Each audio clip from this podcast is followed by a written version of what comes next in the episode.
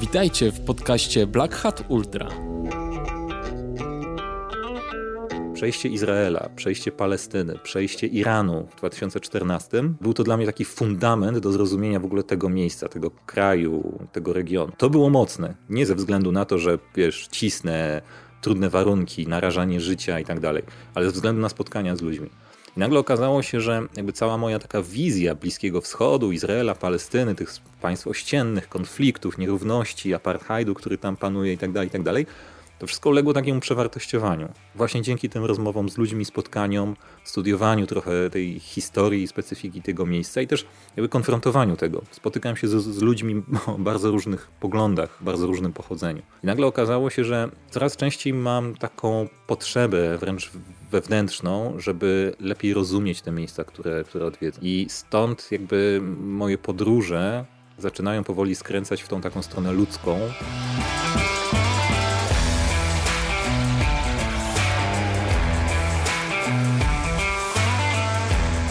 To był Łukasz Supergan. Ja nazywam się Kamil Dąbkowski i witam Was w podcaście Black Hat Ultra.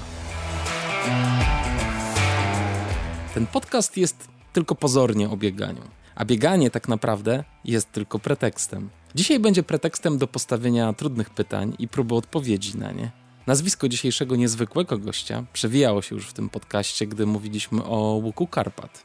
Łukasz Supergan nie tylko przeszedł przez Karpaty, ale również przez Alpy, Pireneje, Izrael, Iran, Islandię oraz z Warszawy do Santiago de Compostela, że wymienię tylko część z jego wypraw. Poza podróżami Łukasz zajmuje się szkoleniami, wystąpieniami publicznymi, pisze bloga, książki i dzieli się wiedzą odnośnie sprzętu outdoorowego. To, co w Łukaszu zainteresowało mnie najbardziej, to właśnie połączenie jego pasji podróżniczych z wykształceniem. Jest absolwentem ochrony środowiska i działał z ramienia Greenpeace.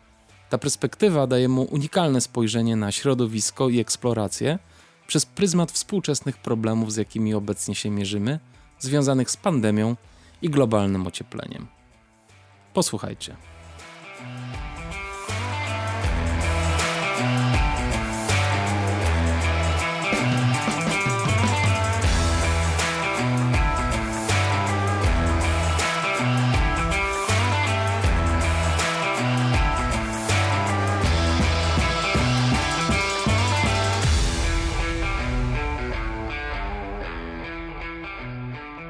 To witam Cię Łukaszu serdecznie. Dzień dobry. Dzień dobry. Dziękuję bardzo za zaproszenie nad piękne jezioro czersztyńskie. No właśnie, to powinienem ja Cię powitać, bo skoro siedzimy u mnie. Tak, ale niezmiernie mi jest miło wyrwać się ze stolicy i przyjechać w takie, w takie ładne okoliczności przyrody.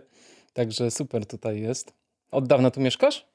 Od marca. To dosyć złożona sytuacja, bo no, jakby to nie jest mój dom. Może to trochę śmieszne, bo moje nazwisko pochodzi z Podhala, natomiast ja też jestem z Warszawy i spędziłem tam większość życia, pomijając podróże. Natomiast w marcu tego roku, jak tylko pandemia zaczęła tak mocno hulać, to jeszcze korzystając z tego ostatniego okna, przeniosłem cały, cały swój majątek, że tak powiem, tutaj Ponieważ nie jest tego dużo, wystarczyła krótka podróż busem z y, Warszawy tutaj pod Czorsztyn i, i w kilka godzin się tu przeniosłem. No tak naprawdę mieszkam tutaj nie w swoim domu, ale razem ze znajomymi, ale nie planuję szybko jakoś wracać. A powód był taki prozaiczny, no bliżej gór, trochę bliżej ludzi, których czasami prowadzę albo dla których robię szkolenia. Mm, przede wszystkim chciałem jak najwięcej trenować, przed spodziewanymi letnimi wyprawami, no ale letnie wyprawy nie doszły do skutku, a moje treningi też tak y, klapnęły trochę. No nie żałuję. Miejsce jest, miejsce jest spoko. A jak wyglądają twoje treningi? Wiesz co, bardzo, y, bardzo pod, pod kątem gór e, starałem się bardzo, żeby robić je według takiej specyfiki, jaką dają góry. A to jest rzecz, którą uświadomił mi kiedyś Karol Henik z Formy na Szczyt, mm, z którym współpracuję od czasu do czasu. I e, jakby jego podstawowa lekcja, jakiej udziela biegaczom górskim, ale nie tylko, bo on też trenuje jednak wędrowców, trekerów, alpinistów i tak dalej. Chcesz iść w góry, chcesz robić mocne rzeczy w górach, trenuj w górach. Mm, jeżeli nie masz pod ręką gór, mieszkasz na nizinach, nad morzem, to y, trenuj na zasadzie, y, dobierz sobie takie miejsce, które przypomina choć trochę góry, na przykład jakieś pobliskie wzgórze, y, jakiś pofalowany park krajobrazowy gdzieś w twojej okolicy, a w ostateczności, jak mieszkasz w wielkim mieście, to znajdziesz siłownię z bieżnią, która jest nachylona. I to podejście bardzo mi się przydało, bo do tej zimy robiłem zimowy trawers Islandii. Pierwsza taka wyprawa z naprawdę ciężkimi saniami i zupełnie jakby tak nie pamiętałem, że Islandia jest jednak w środku tam dosyć pofalowana. To sprawiło, że te sanie bardzo często trzeba było holować pod górę, już kilkaset metrów e, na jakąś przełęcz, potem zejście, czasami więcej niż raz dziennie. I nagle okazało się, że te mięśnie, które mm, wypracowałem pod kątem podejść górskich, na tych podbiegach, na tych podejściach, taki dzień treningowy to było na przykład 1000 metrów w górę, na bieżni, czy, czy gdzieś tutaj w Beskidach. I okazało się, że te mięśnie, które wypracowałem, to były dokładnie te, które potem pracowały na Islandii. Więc zobaczyłem, jak skuteczne to jest, jak skuteczna to jest strategia. To spowodowało, że tutaj się przeniosłem. No ale obojętnie, czy mogę gdzieś wyjechać dalej za granicę, czy nie, to i tak staram się z tego korzystać. Mhm. A powiedz, jak y, ty patrzysz na takiego Romana Ficka, który robi łuk Karpat. Zresztą on y, bardzo dużo w podcaście mówił o tym, że kontaktował się z tobą i rozmawialiście o, o tej trasie to y, jak ty podchodzisz do tego rodzaju wyczynów? Y, no bo rozumiem, że to jest podróżowanie zupełnie inne niż ty uprawiasz. I, y, i jak ty patrzysz na, na przykład na, na taką postać Romana, który, który biegnie ten łuk w 30 tam kilka dni? Wiesz co, pozytywnie. Ja pamiętam w ogóle pierwszy nasz kontakt. E, no, Romek napisał do mnie pytając o przebiegnięcie zimą Karpat Byłem no, bardzo ostrożny udzielając mu tej odpowiedzi, e, ale jakby on chyba sam zrozumiał też z moich wywodów, że no, zima to nie jest ten najlepszy okres, no, nie nabicie rekordów też. A zimowy łuk Karpat był zrobiony i to bardzo ciężką, bardzo dużym wysiłkiem przez dwójkę ludzi. Natomiast yy, jakby to jego przebiegnięcie, wiesz co, bardzo to szanuję, bo ja sam tego nie zrobił. Z drugiej strony czuję pewne pokrewieństwo, bo mi też trochę jest bliskie bieganie po górach w ogóle. Nie jestem e, jeszcze przynajmniej ultrasem, ale, ale po górach biegam. Natomiast jest w tym pewne pokrewieństwo, wiesz, to jakby to jest już zupełnie inna filozofia. Kiedy biegniesz, skupiasz się mocniej na biegu, a mniej na tym, co widzisz. Chociaż potrafię doceniać góry, kiedy biegnę po nich. E, więc e, jest w tym, bardziej skupiasz się na sobie, trochę mniej na otoczeniu, na ludziach, których spotykasz. I na pewno nie miałbym szans poprowadzenia takiej wyprawy, zakładając, że w ogóle mam takie umiejętności, która byłaby jednocześnie biegowa, a pokazałaby mi te góry. Na pewno nie chciałbym biec przez jakieś góry, których kompletnie nie znam. Wolałbym nowe miejsca poznawać właśnie tak na spokojnie, poprzez ich ludzi również. Natomiast miejsca, które znam, tak jak tu Beskidy, no to jest świetny poligon do biegania. E, myślę, że mamy, wbrew pozorom mamy sporo wspólnego. Już te długie dystanse, czy pieszo, e, czy biegiem, to jest, to jest podobna magia. Myślę, że gdzieś wpadasz czasami w taką, ja to nazywam medytacją w ruchu.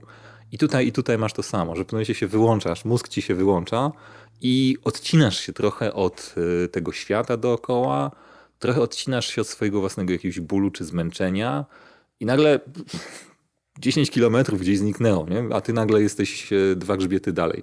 E, więc jest w tym, jest w tym coś. No jasne, jeżeli bijesz rekord na GSB czy na Łuku Karpat, to porównanie mnie i Romka to jest trochę tak, jakbyś porównywał gościa wchodzącego na, nie wiem, na rysy e, i na 7-8 tysięcznik. To jest jakby ta, podejrzewam, że to jest ta skala to znaczy, wiesz, umiejętności, to... wysiłku. Mm, no z jednej strony tak, jak mówimy o wysiłku sportowym, to być może, ale tak naprawdę twoje założenia są zupełnie inne, prawda? Jeżeli ty podejmujesz decyzję o przejściu Łuku Karpat, to gdzieś twoja filozofia w ogóle e, twojej aktywności w górach jest zupełnie inna i właśnie o to się chciałem ciebie zapytać, że e, czego ty szukasz w swoich wyprawach i czemu właśnie one są, e, przybierają taką formę, a nie inną? To, czego szukam, to się zmienia z czasem. Od, zaczynało się po prostu od chodzenia po górach. I do dzisiaj oczywiście tak mam. To znaczy, lubię chodzić, lubię poznawać miejsca z perspektywy pieszego, bo to dosyć często powtarzam, kiedy chodzisz pieszo, pokonujesz każdego dnia mniej kilometrów, ale każdy z tych kilometrów nabiera dla ciebie więcej znaczenia. To jest taka reguła, nie przytoczę jej pewnie w, z pamięci w całości, ale jakby nasz mózg jest w stanie przyjąć pewną ilość danych, ileś tam bitów tych danych, mówiąc językiem komputerowym, na sekundę.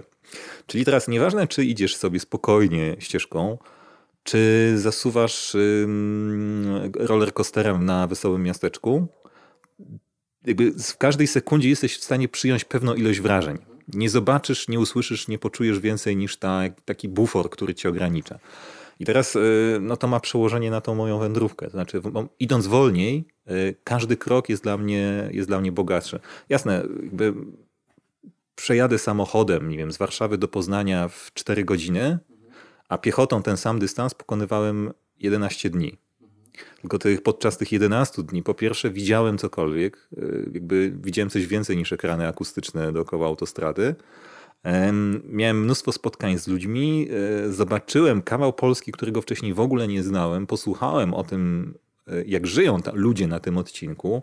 I to były całkiem ciekawe spotkania, trochę jak, jak gdzieś daleko za granicą. Mm, I przede wszystkim, no właśnie, każdy krok był dla mnie taki bardziej świadomy.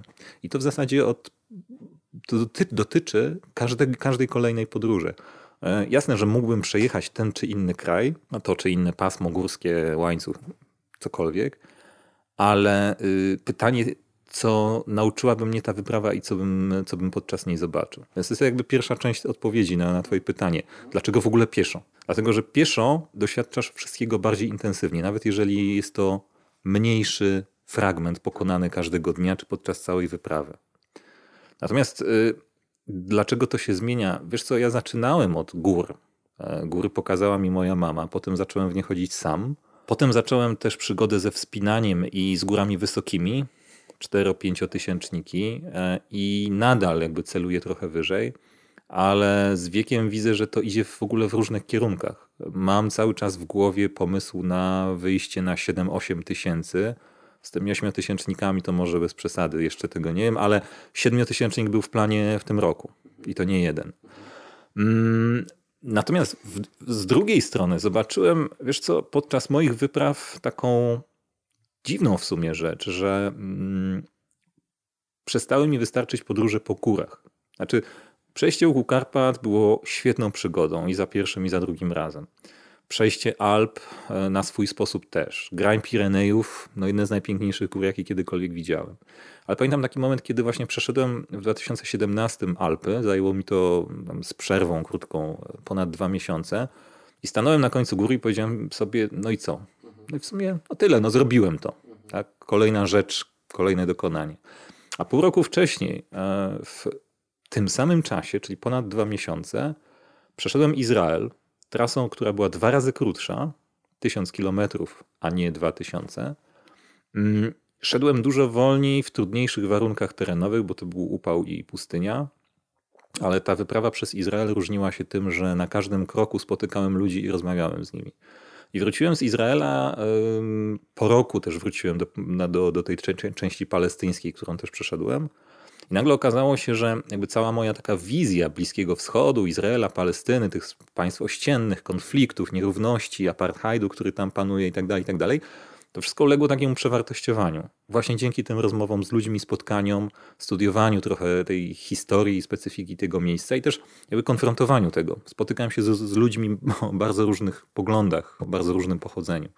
I nagle okazało się, że y, coraz mniej mam takiej ochoty, a po prostu wyjdę na szlak i puszczę się do przodu. To też mi się zdarza, to też jest fajne. Po prostu iść przed dystans, siebie i tak, dystans i ciśniesz ale, ale bez ciśnienia. Tak. I po prostu idziesz. Jest to ok, jest to fajne. E, jest to fajne, kiedy jest to jakiś wyczyn i tak było na zimowej Islandii. Ale coraz częściej mam taką potrzebę wręcz wewnętrzną, żeby lepiej rozumieć te miejsca, które, które odwiedzam. I stąd jakby moje podróże zaczynają powoli skręcać w, tym takim, w tą taką stronę ludzką. Nie chcę powiedzieć, że reporterską, bo to jest duże słowo, nadużywane moim zdaniem, ale trochę Coś takiego. Czyli, bardziej, czyli głębiej. Głębiej. Troszkę. E, nadal zachowałbym tą specyfikę. Tak. Tą moją e, taką pasję do wędrowania i chodzenia. Czyli, że nie wsiądziesz w samochód. Nie, nie. Ale z drugiej strony, jak właśnie teraz patrzę wstecz na przejście Izraela, przejście Palestyny, przejście Iranu w 2014, to były, dla mnie to były podróże, nie chodziło tam o wyczyn, znaczy hm, też, ale był to dla mnie taki fundament do zrozumienia w ogóle tego miejsca, tego kraju, tego regionu. I to było, to było mocne. Nie ze względu na to, że wiesz, cisnę trudne warunki, narażanie życia i tak dalej, ale ze względu na spotkania z ludźmi. A co było dla ciebie takie najmocniejsze w, w poznaniu tych terenów? Co, co innego wyniosłeś z tych podróży? Wiesz co, masz na myśli ludzi? Mam na myśli, o co poszerzyłeś swoją wiedzę e, o Bliskim Wschodzie, albo jak ją zweryfikowałeś? Myślę, że przede wszystkim poszerzyłem. E, miałem, no Iran jest idealnym przykładem. Wcześniej byłem w Iranie 5 tygodni, przemieszczałem się między dużymi miastami, e, po głównych ośrodkach i głównych, w sumie też atrakcjach turystycznych, których w tym kraju no jest trochę, ale ten szlak jest utarty. Przez główne miasta z północy na południe. A potem wchodzę w góry, które są górami pustynnymi czy półpustynnymi, pomiędzy małe wsie, pomiędzy ludzi, którzy nigdy w życiu nie widzieli turysty, mm, nie mamy wspólnego języka, a mimo to jakoś dogadujemy, a ja staram się trochę wejść w ich życie i zobaczyć, w jaki sposób e, żyją, jak sobie radzą w kraju, który ma trudną sytuację polityczną i w regionie, który jest trudny ze względów no, klimatycznych. Żyją de facto w pustynnych górach i e, jakby zobaczenie tego było zobaczeniem Iranu od zupełnie, zupełnie nowej strony. Co ciekawe, oglądanie tych krajów, Iran, Izrael, Palestyna, było też takim ciekawym spostrzeżeniem przyrodniczym. Na przykład Iran, południo, południe Iranu, gdzie e, ludzie już teraz, w tym momencie, opuszczają swoje wsie i opuszczają miejsca, które kiedyś były lasami czy pastwiskami, ponieważ nie da się tam żyć, ponieważ w tym miejscu woda po prostu zniknęła. Mhm. E, ze względu na zmiany klimatu? Ze względu na zmiany klimatu, zbyt rozwinięte rolnictwo, no i nieprzemyślaną politykę. I podobnym, e, podobnym e, takim aspektem, chociaż rzadko poruszanym, głęboko schowanym, jest też kwestia wody na terytoriach palestyńskich, które są przetłaczane do, do tych części izraelskich.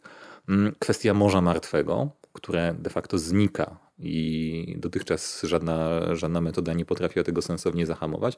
Więc wiesz, zaczynasz obserwować na własne oczy to, co w sumie gdzieś tam czytałeś może w jakimś artykule. A teraz widzisz, rozmawiasz z tymi ludźmi z krwi i kości, oni stoją przed tobą i tak w sumie z rezygnacją opowiadają ci o tym, co, co się dzieje. To nagle przestaje być taki abstrakcyjny problem. Tak. I to już nie jest rozmowa na zasadzie, o słuchaj, bo tam napisali w gazecie. Nie, po prostu widzisz te twarze, widzisz tych ludzi. Mm, I to samo dotyczy, wiesz, nie chodzi mi tylko o przyrodę, to samo dotyczy też konfliktów. Czym innym jest to, że odpalisz telewizor, czy YouTube'a, czy otworzysz gazetę, czy portal i zobaczysz, że a, znowu jakieś tam starcia w Betlejem. Ale potem przechodzisz koło tego Betlejem, i te starcia widzisz. Spotykasz patrole żołnierzy, którzy cofają cię, spotykasz mieszkańców, którym musisz się tłumaczyć, że nie jesteś Izraelczykiem. Lokalne dzieci przynoszą ci łuski e, granatów i tak dalej, i tak dalej. To są czasami drobiazgi, ale znowu, jeżeli, ma, jeżeli idziesz pieszo, dasz sobie dużo czasu, mm, to spotykasz ludzi, którzy paradoksalnie bardzo chętnie otwierają się przed obcymi.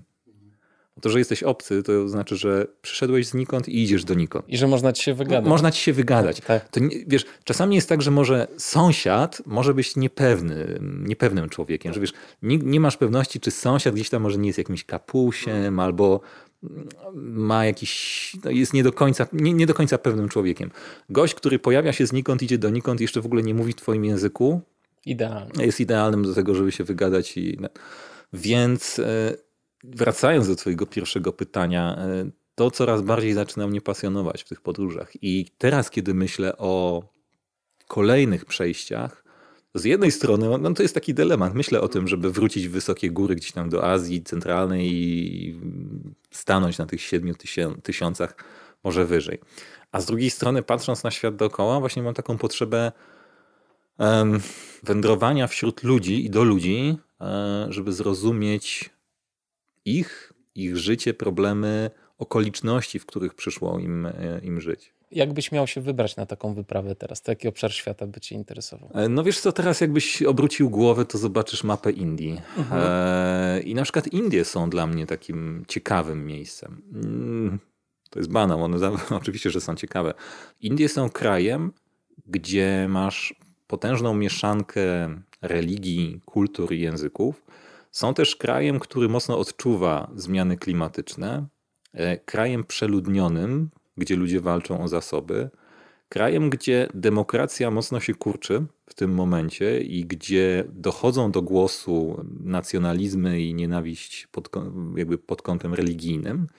Mm, I o ile no, to wszystko może brzmieć tak smutno, to, to, to ten wielki kraj jest y, niesamowitym miejscem do tego, tak mi się wydaje, żeby przyjrzeć się temu, jak my sami możemy wyglądać za jakiś czas. Kiedy te wszystkie zjawiska, które tam na południu, tym geograficznym i tym politycznym, gdzieś już dotykają ludzi, to one dotkną nas na przykład za 30 czy za 50 lat. Już w tej chwili, na przykład podróżując po, po Indiach czy Pakistanie, możesz znaleźć takie miejsca, gdzie przynajmniej teoretycznie nie da się żyć. E, chodzi o to, że temperatura i wilgotność są tam tak wysokie, że mm, człowiek nie jest w stanie funkcjonować w tym klimacie, bo po prostu się gotuje. On nie jest w stanie się nawet pocić, bo nie jest w stanie chłodzić swojego organizmu w danych warunkach klimatycznych. I takie miejsca już istnieją. I to wiesz, to są miasta, to są miejsca zamieszkałe od wieków, które teraz stają się niezdatne do życia. I czy opuszczone zostają przez y, ludzi? Na razie nie, y, ale zastanawiam się, jak będzie to wyglądało za 10 czy 20 lat. Y, jakby albo zostaną tam ludzie, którzy mogą pozwolić sobie na e, uzdatnienie tego miejsca przez, nie wiem, klimatyzację, zamieszkanie w jakichś specjalnych domach, zupełnie inny styl pracy. Ale to raczej bogaci ludzie. E, ale to raczej bogaci, a tysiące biednych, którzy mieszkają w bardzo prostych warunkach, już niestety nie. Co się z nimi stanie? Ruszą na północ. Ruszą na północ. I tak, i w, tak. Tym momencie, i w tym momencie dochodzimy do, e, już wiesz, zaczynamy od, od długich dystansów i górach, a kończymy na jakiejś potężnej geopolityce obejmującej cały świat. Tak. Ale to dobrze pokazuje, jak to wszystko łączy się ze sobą. Dokładnie i jak bardzo jest złożone i skomplikowane. W ogóle turystyka w świecie, gdzie globalne ocieplenie już jest faktem i w dodatku dochodzi do tego jeszcze pandemia, ona jakby totalnie się zmieni, zarówno turystyka, jak i eksploracja, czyli bardziej to, co ty robisz jak myślisz, jak, jak to może wpłynąć na Twoje wyprawy, na to, jakie Ty będziesz podejmował decyzje odnośnie miejsc, gdzie będziesz podróżował? Jak to widzisz? Ja nie wiem, czy, czy pandemia jakoś e, wpłynęła na moje plany. Mm, to jest raczej tak, że przesunęła mi plany na 2021. No i mam, pozostaje mi mieć nadzieję, że to będzie tylko ten jeden rok. Mm, I mam nadzieję, że to na razie tyle. Natomiast y, nie wiem, no będzie to kłopotliwe. A konieczność, nie wiem, posiadania badań, szczepień, e, udowadniania tego, że jest się zdrowym. No już w tej chwili e, kraje, które mm, zależne są od turystyki, jak na przykład Nepal, otwierają się, ale tylko dla tych, którzy potrafią udowodnić, że są zdrowi. Co oznacza, że no, po prostu nie każdy turysta będzie w stanie e, no właśnie udowodnić to, czy nie będzie mu się w ogóle chciało, chciało. bawić w te tam, testy i tak dalej.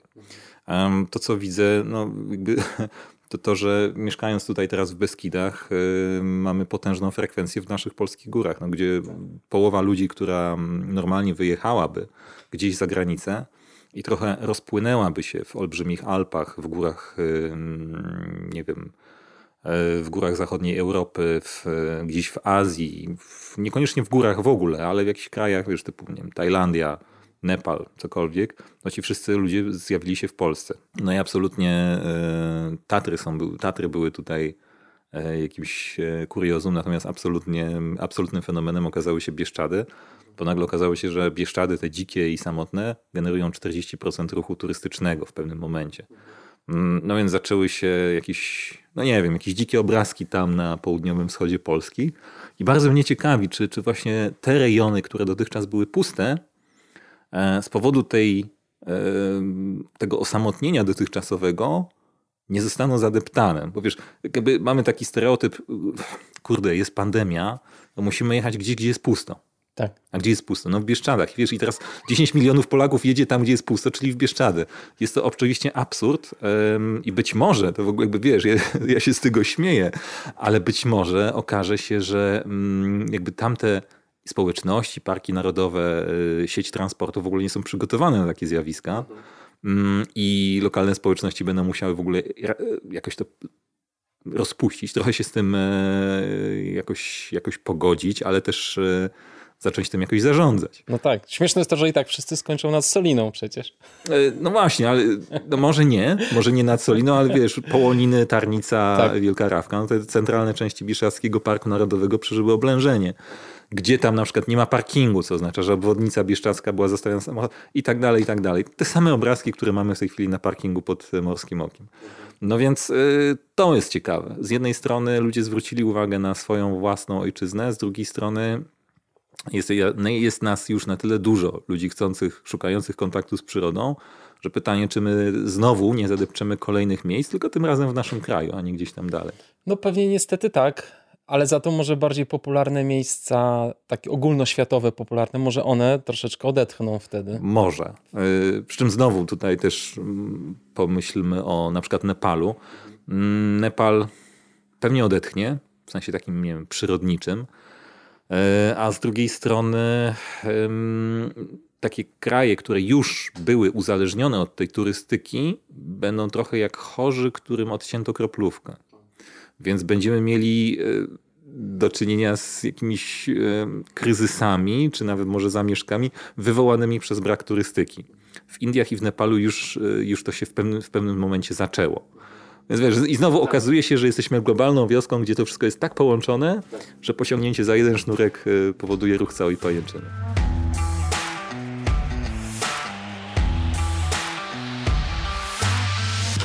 To wszystko, o czym mówimy, bardzo się też łączy z e, zasadami Live No Trace, których ty jesteś orędownikiem i których uczysz na swoich kursach turystyki górskiej, bo tutaj w, Beskidach prowadzisz takie kursy, tak, prawda? Tak, częściowo. Głównie na Spiszu, który masz tam za oknem.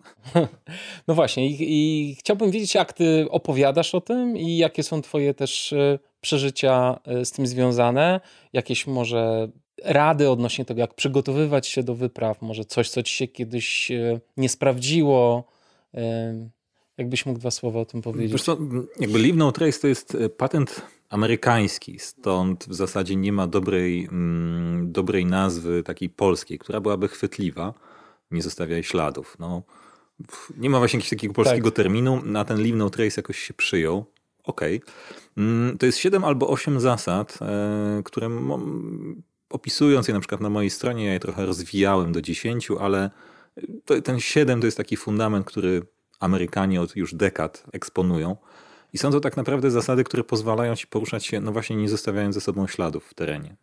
Um, uważam, znaczy z jednej strony uważam je za uniwersalne, z drugiej strony one są na tyle elastyczne, że można je uzupełniać o wiele rzeczy.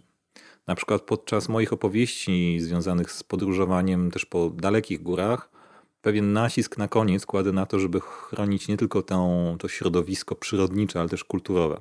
Czyli ludzi, e, z którymi masz do czynienia i którzy ze względów e, ekonomicznych no, są biedniejsi od ciebie, a więc przez to bardziej wrażliwi na, mm, na zniszczenie ich kultury, mówiąc brutalnie. Więc e, jakby cały, cały ten, cała filozofia Live No Trace zaczyna się od przygotowań. I to jest w zasadzie bardzo, to jest fundament tego wszystkiego, ponieważ to przygotowanie pozwala ci e, zmniejszyć twoje późniejsze oddziaływanie na przyrodę czy na ludzi. Taki banalny przykład. No, y, ostatni weekend spędziłem w Beskidzie Wyspowym też z grupą i mm, okazało się, że jesteśmy w stanie obozować w miejscach już przygotowanych. Prosta rzecz, trzy dni, dwa noclegi, weekend, nic wielkiego, ale tak dobraliśmy trasę, aby mm, obydwa miejsca noclegu wypadły na polanach, które już były ustalonymi miejscami biwakowymi.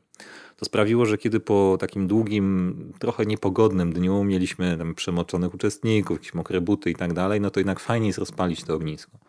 No i teraz y, w momencie, gdybyśmy byli po prostu w dzikim miejscu, to cała grupa rozchodzi się po lesie czy po jakiejś polanie, rozstawia tam namioty, Następnego dnia te ślady po namiotach zostają i zarastają pewnie przez pewien czas, dopóki trawa się nie odrodzi. E, ludzie dookoła nas e, szukają martwego drewna, żeby zrobić ogniska, więc zostawiamy wielkie, wypalone, czarne miejsce pośrodku łąki, po którym łatwo poznać, że ktoś tu już był. Czyli de facto wychodząc z takiego miejsca okazuje się, że zostawiamy coś, co jest widoczne przez kolejne miesiące, może nawet więcej. Tymczasem znaleźliśmy takie miejsca, które były już przygotowane pod ogniska, pod noclegi. Okazało się, że nie musimy brać namiotów, ale tarpy, które są znacznie lżejsze i które zostawiają mniej śladów, bo jakby nie uciskasz e, tej, tej trawy, trawy mhm. aż tak mocno. I, e, I śmiało mogliśmy powiedzieć, że po naszym odejściu jeżeli tylko sprzątnęliśmy nasze wszystkie śmieci, jakby nie wyglądało to ani odrobinę gorzej niż przed naszym przyjściem. Więc już takie planowanie pomaga ci dobrać trasę nawet tak żeby zostawiać po sobie jak najmniej śladu. Może się okazać, że w ogóle nie musisz palić ognisk i spać pod namiotem, bo na przykład wiaty, deszczochrony, czy jakieś takie mm, daszki, szałasy są na tyle często, że jesteś w stanie spać w górach pod dachem, mimo, mimo braku własnego schronienia. No ale to jest oczywiście początek. Um, I to też wymaga jednak już troszkę jakiegoś stopnia zaawansowania od y, turystów, prawda? Trochę tak. Nie Musisz... jest chyba tak super łatwo też kogoś namówić na taki no, trudny bądź co bądź nocleg, jak pod tarpą, czy, czy w drewnianym w drewnianej chatce. No właśnie, trzeba przekonać się do tego, że nocleg w takiej drewnianej chatce jest y, zazwyczaj dużo bardziej komfortowy niż, niż w namiocie. No jakby nie musisz rezygnować z namiotu. Chodzi raczej o to, żeby przemyśleć, w jaki sposób chcesz wędrować, tak żeby oddziaływać jak najmniej. No ja często podaję taki przykład. Y, też prowadząc grupę przez Karpaty ukraińskie, y, rozbiliśmy się bardzo wysoko na Połoninie, i chcieliśmy dla naszej grupy no, rozpalić ognisko. Okazało się, że dookoła nie ma innego drewna, jak tylko kosodrzewina, która pali się źle. Więc zaczęliśmy gdzieś tam szukać tej martwej kosodrzewiny, łamać trochę tych gałęzi. Z ogniska w zasadzie nic nie wyszło, a gdybyśmy wiedzieli wcześniej, to nie jest filozofia, wystarczy spojrzeć na mapę, że w tym miejscu drewna nie ma, to pociągnęlibyśmy jeszcze tą godzinę, zeszlibyśmy do krawędzi lasu, rozbili się tam i tak dalej. Więc to jest... Brzmi to, kiedy teraz o tym myślę, banalnie, mm, ale jest to taka bardzo duża lekcja myślenia w przód i właśnie planowania. Ale też dlatego planowanie jest tą podstawową zasadą Leave No Trace i za nią idą wszystkie inne. To, że chronisz źródła wody, rozbijając się daleko od nich, to, że chronisz zwierzęta, nie wystawiając jedzenia, które mocno pachnie, yy, że tak powiem, na widoku, czy tak, że one mogą je wyczuć, to, że chronisz źródła wody biorąc kąpiel czy zmywając naczynia, mm, to, że chronisz siebie, urządzając toaletę z dala od źródła wody i od twojego własnego obozu. Mm, to są I zabierając takie... ze sobą oczywiście to, co tak, zabierając, zabierając ze sobą śmieci i tak dalej. E, koniec końców okazuje się, że nie jest to takie trudne, ale wszystko to wymaga drobnego planowania. W zasadzie jestem tutaj, źródło wody jest tam, okej, okay, to, tak, to będzie dobre obozowisko. To toaletę zróbmy jeszcze w oddaleniu od jednego i drugiego. Wszystko to ogranicza się w zasadzie do sensownego planowania. Są też inne zasady dotyczące na przykład wędrowania, tak żeby nie poszerzać, nie erodować ścieżek, które, które już teraz na przykład są bardzo uczęszczane przez turystów, żeby nie tworzyć nowych przejść, e, które na przykład zostaną wyerodowane przez płynącą wodę i tak dalej, i tak dalej. Mm, I tych zasad jest siedem. One właśnie dotyczą biwakowania, przechowywania jedzenia i ochrony przed zwierzętami, ochrony wody, zabierania śmieci. E, koniec końców dotyczą też jednak toalety, bo to dosyć istotna sprawa. Mm, no i takich siedem zasad jest w zasadzie fundamentem. Mhm. E, tam jeszcze rozmawiałem kiedyś e, z Kamilą Keller, która mówiła o fotografii. To też nie jest temat, który tak należałoby zostawić luźno, bo, bo warto o tym mówić, żeby jednak może nie każde piękne miejsce tagować na Instagramie i mówić, gdzie może, jak można dotrzeć do niego. Tak, Kamila o tym dużo mówiła i mówi o, w czasie swoich prezentacji.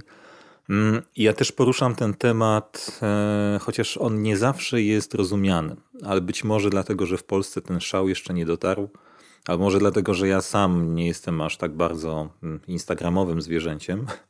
Natomiast y, rzeczywiście jest tak, że rzeczy, które są czasami mało znane i nieodkryte, oznaczone, mam na myśli oznaczenie ich lokalizacji i nazwy, przez jedną osobę, potrafią stać się y, taką no, kolejnym kanałem, przez który zaczną iść ludzie. Piękne miejsca, które kiedyś były zupełnie nieznane, oznaczone przez jedną osobę, mającą dostatecznie dużo e, obserwatorów i czytelników, może spowodować, że setka z nich trafi w to miejsce. Oni oczywiście powtórzą to samo, przyciągając kolejne tysiące, te tysiące przyciągną miliony. I w Polsce teraz chyba nie przychodzi mi za bardzo, znaczy nie, przepraszam, przychodzi mi do głowy jeden przykład. E, w Stanach to jest bardzo dobrze widoczne. Miejsca, które kiedyś były e, takimi pobocznymi, na przykład piękny punkt widokowy na kanion Colorado. Ale nie w parku narodowym, w samym środku, gdzieś tam przy punktach kasowych, przy, przy, tych, przy tych głównych szlakach, ale wiesz, gdzieś tam 10-20 mil w prawo albo w lewo, w górę albo w dół doliny. Wystarczyła jedna czy kilka osób, które tam trafiły i miejsce nieznane stało się Mekką.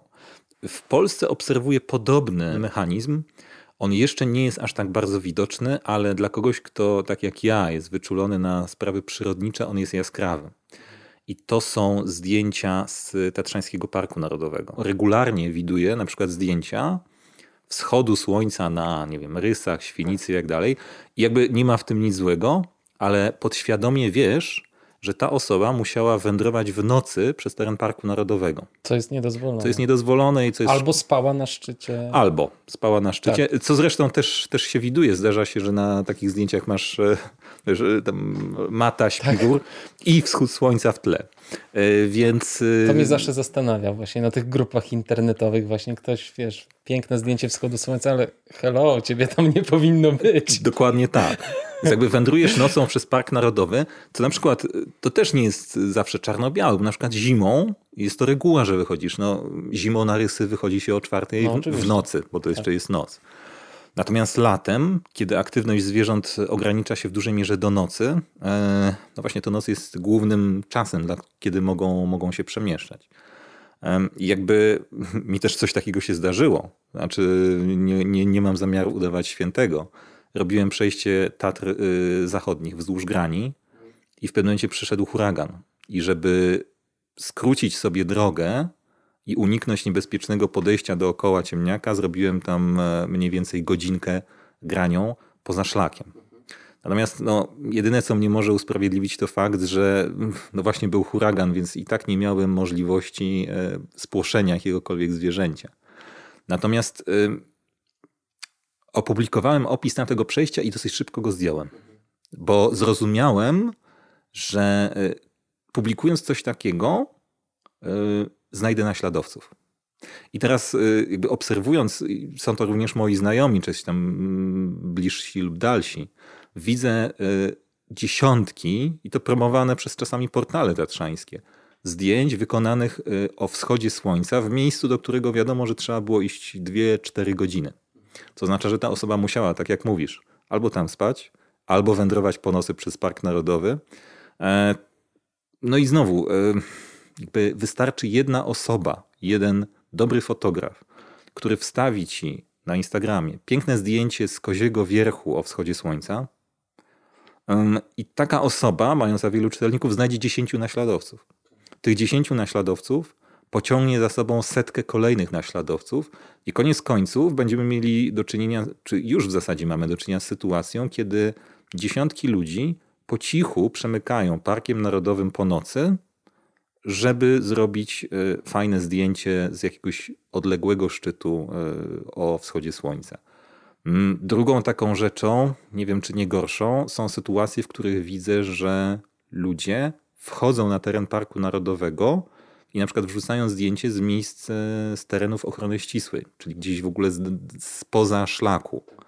Oczywiście można powiedzieć, że część z nich to taternicy, wtedy jest to ok, no bo powiedzmy, że jest to, to, jest ich praca, to jest ich praca, czy e, jest to ich y, na przykład droga podejściowa pod mhm. jakąś ścianę. ścianę. Mhm. Ale jeżeli turysta, nazwijmy to zwykły turysta, wrzuca zdjęcie i wiem, bo to jest otagowane, że to jest zdjęcie z obszaru ochrony ścisłej i najbliższy szlak jest godzinę drogi dalej, to coś tu zaczyna być bardzo grubo nie tak.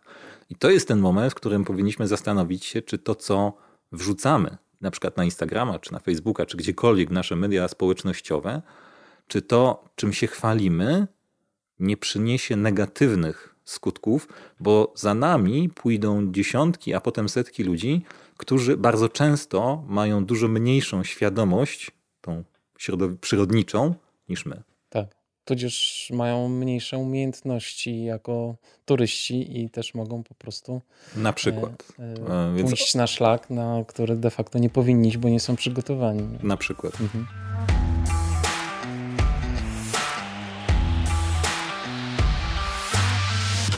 Chciałbym jeszcze pomówić z Tobą o jednej kwestii, bo Ty się zajmujesz ochroną środowiska. No, już nie zawodową. Już nie. Mhm w tej chwili już bardziej z pasji, mhm. ale to się miesza ze sobą.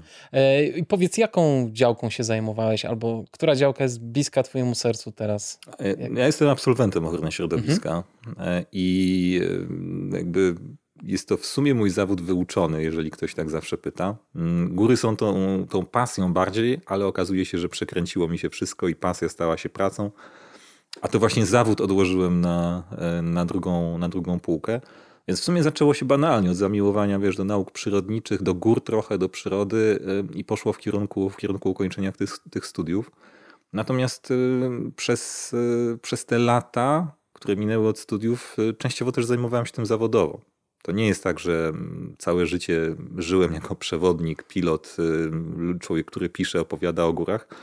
Mm, mam za sobą normalne lata pracy zawodowej, aczkolwiek dosyć specyficznej, bo pracowałem w sektorze pozarządowym.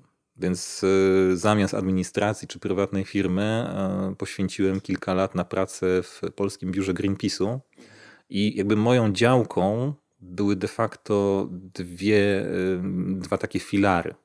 Pierwszym z nich była taka brudna chemia, ścieki i odpady. I to była rzecz, którą zajmowałem się przez prawie 4 lata tej, tej pracy. Drugą natomiast była energetyka i klimat, z naciskiem na energetykę. Aczkolwiek no, brzmi to jak, jak rzeczywiście praca dla kogoś, kto zajmuje się środowiskiem, ale było w tym na przykład dużo pracy z ludźmi, z lokalnymi społecznościami, no a tego już nie uczą studia przyrodnicze. Ale jakby Cóż, no, uczyły mnie elastyczności, yy, więc praca była dosyć niezwykła. Nie było dwóch takich samych dni. Mm, natomiast y, dawała pewną satysfakcję, mimo że to jest praca bardzo długotrwała. Ja bardzo często zajmowałem się postępowaniami administracyjnymi, które ciągnęły się po 8 lat. Więc to nie jest praca, gdzie efekty widzi się z dnia na dzień, czy nawet z miesiąca na miesiąc. Czasami, ale rzadko. Energetyka i klimat to mi się podoba, bo to oznacza, że mogę Cię przepytać na tematy bieżącej zmian klimatu, które mamy ostatnio kilka dni temu, chyba, może tydzień. E, w każdym razie usłyszałem o tym kilka dni temu.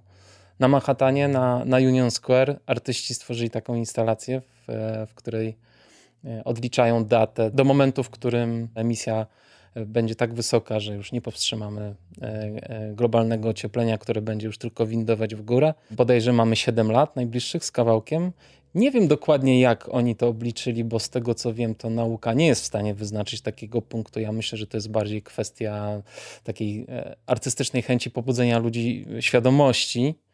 Natomiast e, zastanawiam się, jak ty do tego podchodzisz i co byś poradził współczesnemu człowiekowi, jak powinien myśleć o globalnym ociepleniu. No bo to jest generalnie dosyć taka, no muszę powiedzieć, przerażająca wizja i niezbyt, e, i ciężko to złapać troszeczkę optymizmu w tym wszystkim. Jak ty w ogóle mm, podchodzisz do tego? Mm, wiesz co, tak zaczynając od początku twojego tak. pytania. Um, oczywiście tych 7 czy 10 lat to jest taka pewna granica dosyć symboliczna. Um, istnieje organizacja bardzo duża, um, która, która jest najlepszą organizacją ekspercką w tej dziedzinie. To jest Międzynarodowy Panel do Spraw Zmian Klimatu który mm, mniej więcej dwa lata temu wydał raport mówiący, że przy obecnym stanie mm, naszych emisji, i mówimy tutaj o emisji dwutlenku węgla, ale też i innych gazów cieplarnianych, rok 2030 będzie tym, do którego jako ludzkość powinniśmy znacząco zmniejszyć nasze emisje. Tych dokładnych liczb tutaj ci nie podam, bo one dotyczą osobno na przykład Europy, a osobno reszty świata. E, natomiast e, taką dla nas, Polaków i Europejczyków, ważną informacją było to, że do 2030 roku e, kraje rozwinięte, w tym cała Europa, powinny odejść od spalania węgla w energetyce. Mhm. W ogóle w 100%. W 100%. Mhm. Mm, stąd pojawiło się hasło w pewnym momencie Polska bez węgla do 2030 roku. I oczywiście, kiedy ono się pojawiło, było przez specjalistów uważane za absurd. Wystarczyły dwa lata intensywnych kampanii. Nie mówię tutaj o jednej organizacji, mówię o całym ruchu ekologicznym. I okazało się, że ci, którzy mówili, że węgla mamy jeszcze na 200 lat, myślą teraz już na serio o odejściu od niego i już w tym momencie polski rząd za plecami, ale jednak rozmawia z środowiskami górniczymi, negocjując ten właśnie moment odejścia. On nadal jest niezadowalający w sensie czasowym, ale jednak kiedyś nastąpi. Natomiast y, dlaczego jest to takie istotne? Oczywiście to nie jest tak, że, nastąpi, że przychodzi 2030 i nagle wszystko się wali. Chociaż te zmiany mogą przekroczyć pewien próg, który jest, y, za którym poleci pewna, pewna lawina. Chodzi raczej o to, że mm, według obecnych badań powinniśmy jako ludzkość zatrzymać się w momencie, kiedy ta temperatura, o którą podnieśliśmy no, ciepłotę ziemskiej atmosfery, to nie będzie więcej niż 1,5 stopnia. Chodzi o to, że w czasach przedprzemysłowych ta temperatura była ustalona i teraz nie powinniśmy przekroczyć tej różnicy 1,5 stopnia. Dwa stopnie oznaczają już znaczące zmiany. W sytuacji, kiedy nie będziemy robić nic, do końca tego stulecia może to być nawet 4-5 stopni. A to oznacza już potężne zmiany na Ziemi i tak naprawdę katastrofę klimatyczną no tak. też dla nas wszystkich. Bo wie, to trzeba powiedzieć, że wielkie zlodowocenie dla odmiany to było mniej więcej mniej niż 4 stopnie od stanu dzisiejszego. Mieliśmy tutaj e, Lo, ścianę tak, lodu. Ścianę lodu, tak. sięgającą tak. do Karpat de tak. facto. No to możemy sobie wyobrazić, co będzie, jak będzie plus 4 stopnie. Plus 4 stopnie. I znowu, y, dla krajów europejskich, skandynawskich, dla Polski to może nie być jakaś dramatyczna różnica. E, dla wielu krajów tego globalnego południa będzie mm, i czy tego chcemy, czy nie doświadczymy tego. Nawet jeżeli mm, tobie, czy mnie w studni, czy w kranie nie zabraknie wody, e, albo nie ugotujesz się, bo będziesz miał 50-stopniowe upały, e, to doświadczymy na przykład potężnych migracji, które będą wynikały z tego, że miliard czy dwa miliardy ludzi gdzieś tam bardziej na południu będzie miało takie warunki i mimo wszystko będą chcieli przenieść się dalej na północ. Może się okazać, że teraz te zamieszkane mm, strefy na, w pobliżu równika czy zwrotników będą niezdatne do zamieszkania. I dlatego w zasadzie mówi się o tej granicy, że te półtora stopnia powinno być takim no, maksymalnym mm, skokiem, na jaki sobie powinniśmy pozwolić, a on i tak nie jest bezpieczny. A to oznacza, że, i tutaj pada kilka liczb, jedną z nich jest właśnie to, że powinniśmy odejść od, e, od węgla do 2030 roku w Europie, do 2050 w pozostałych krajach świata i tak dalej, i tak dalej. Mm. Twoim zdaniem to jest realne w ogóle? Zacytuję, za, za, wiesz co, zacytuję ci um, Interstellar, kiedy, kiedy mhm. pilot statku kosmicznego dokuje do e, rozpadającego się e, statku i mówi dokujemy. I robot, który siedzi obok niego mówi to niemożliwe. A pilot odpowiada nie, to konieczne. No więc i to jest dokładnie to samo. Wiesz, no to może się wydawać, że to niemożliwe, ale to jest konieczne. No, masa rzeczy, e, które wydają ci się niemożliwe, są po prostu konieczne.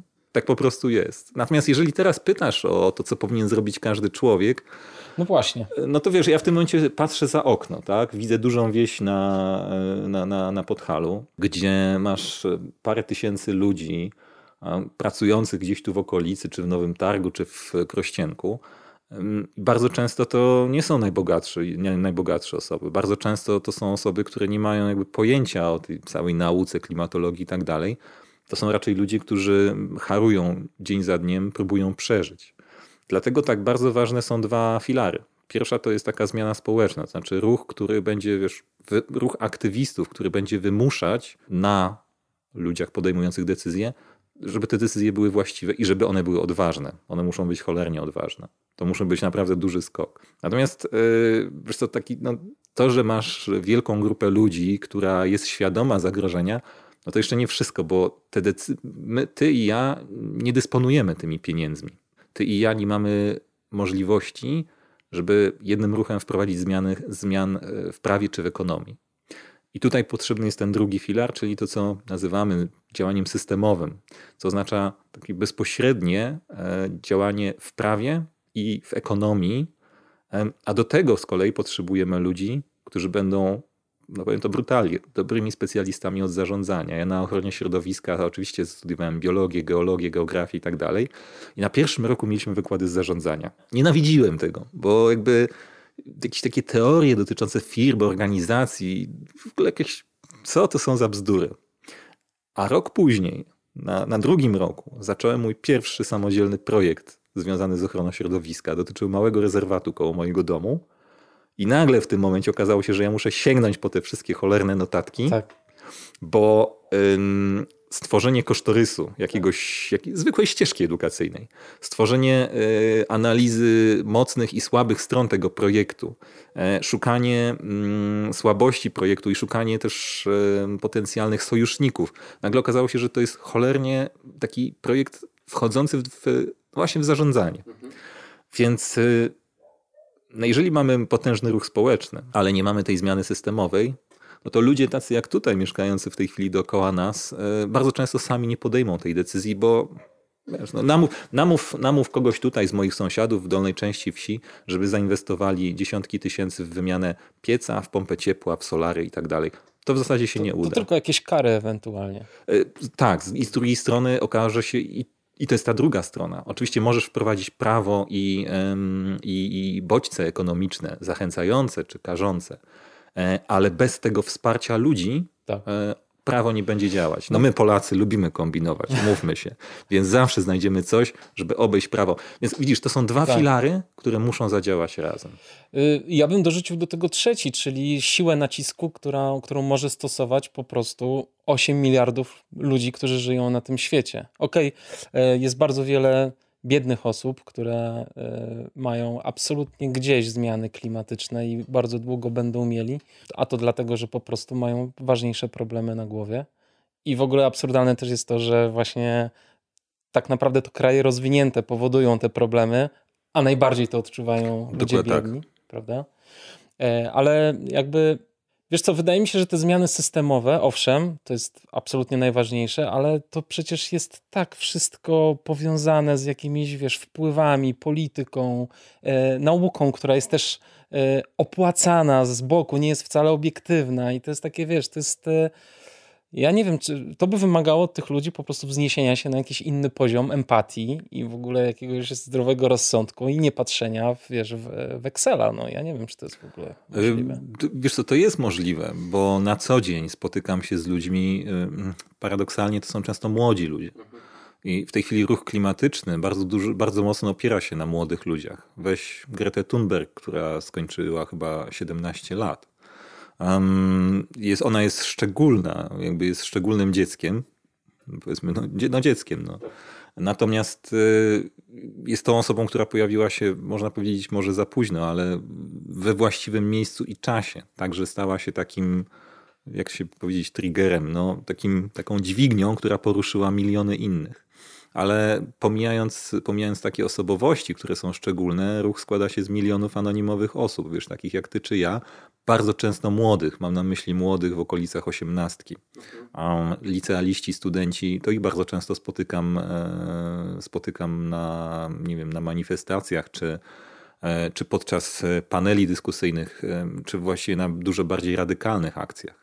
Natomiast e, oczywiście to nie jest tak, że musisz zmobilizować 8 miliardów ludzi. Mówi się, że żeby wprowadzić zmianę społeczną, potrzebujesz 3 do 5% zaangażowanych obywateli, co oznacza, że gdyby 2 miliony Polaków przejęły się na serio zmieniającą się, zmieniającym się klimatem i w ogóle jakby sytuacją ekosystemu Ziemi, mielibyśmy, potem, mielibyśmy kompletny przewrót społeczny. E, ale to właśnie tak jak mówisz, nacisk na politykę, nacisk na czasami naukę, na ekonomię e, nie jest taki łatwy, dopóki nie masz tej masy. A z drugiej strony, e, bez mechanizmów prawnych, ekonomicznych e, nie dokonasz zmiany, co oznacza, że stoimy właśnie na dwóch filarach. No i ten trzeci, o którym mówisz, czyli ten, ten wpływ. No właśnie, to, to co naprawdę, bo chciałbym też powiedzieć o tym, co my możemy na co dzień robić, e, żeby mm, wpływać korzystnie na środowisko, albo w ogóle, żeby też swoim, swoją postawą pokazywać innym, e, co robić, żeby, żeby wpływać korzystnie. Wiadomo, że my sami nie rozwiążemy tych problemów, ale uważam, że jako masa mamy niebywałą moc też przekonywania ludzi, którzy de facto mają mają e, szansę zmienić prawo. Boję się w twoim podcaście zahaczać o politykę. To, to troszkę, no. Bo pierwszą odpowiedzią, jaką przychodzi mi do głowy Głosujcie jest, dobrze. Jest myśl, tak, dokładnie. Aha, to jest. To, to jest głosujcie tak. dobrze, zarówno tak. na poziomie lokalnym, jak i ogólnokrajowym. To jest podstawa. E, oczywiście drobne kroki typu ocieplę mój dom, założę pompę ciepła, czy mm, zacznę kupować energię, energię elektryczną od dostawcy, który oferuje zielone źródła energii, też są istotne. Znowu, to może być tylko przykład, ale jeżeli e, takich osób będzie dostatecznie dużo, to stworzą one pewną, pewną lawinę, która pociągnie za sobą, e, za sobą resztę. Natomiast e, wydaje mi się, myślę, że potrzeba by tutaj osoby, która jest dużo bardziej, dużo mądrzejsza ode mnie w takich kwestiach ludzkich, nie jestem psychologiem i nie powiem ci, jak poruszać ludzi i jakich argumentów używać. Może powinienem, bo tak naprawdę to akty, aktywiści powinni wiedzieć, jak poruszać ludzi.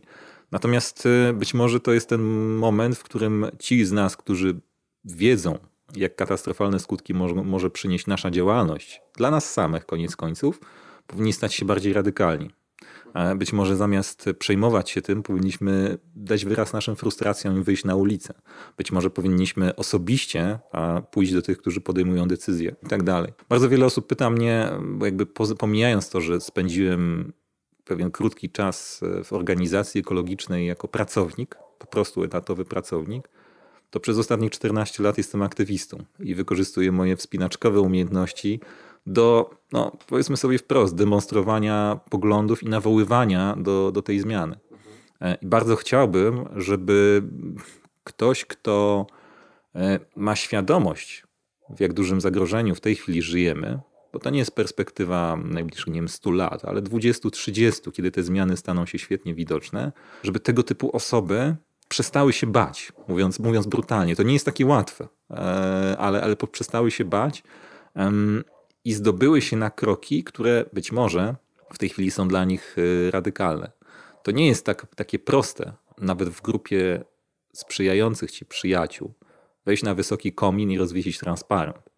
Znaczy samo to jest łatwe, wiesz, technicznie tak. to jest łatwe, tylko fakt, że y, występujesz przeciwko prawu i występujesz przeciwko, y, przeciwko ludziom podejmującym decyzje, może dla ciebie być bardzo niekomfortowe, a koniec końców kończy się na sali sądowej przez kolejne miesiące.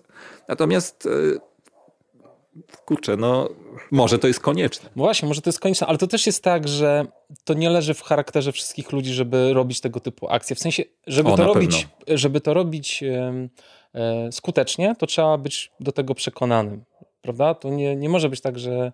Znaczy, w, wydaje mi się, że to nie zadziała, jeżeli człowiek, który nie ma mechanizmów w sobie odpowiednich zbudowanych do tego, żeby być aktywistą, nagle się nim stanie. To jest jedna rzecz. Druga rzecz to jest, wydaje mi się, trudniejsza, to jest znowu przewartościowanie swojego życia, bo to jest znowu trzeba zmienić skalę priorytetów w życiu, tak? No bo to jest rzecz, która jednak zajmie dużo czasu, tak. dużo energii.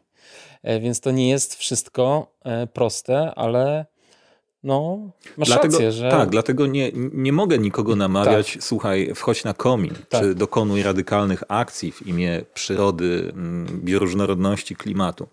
Natomiast e, to, co chyba mus, jakby muszę powiedzieć, to rób to, jest, rób to, co konieczne, ale też rób to, co możliwe. Jakby są te rzeczy konieczne, o których wspomniałem. Ale są też rzeczy możliwe. Będąc y, ojcem y, i mężem, nie byłbym w stanie angażować się tak mocno, bo jednak mam, miałbym pewne zobowiązania.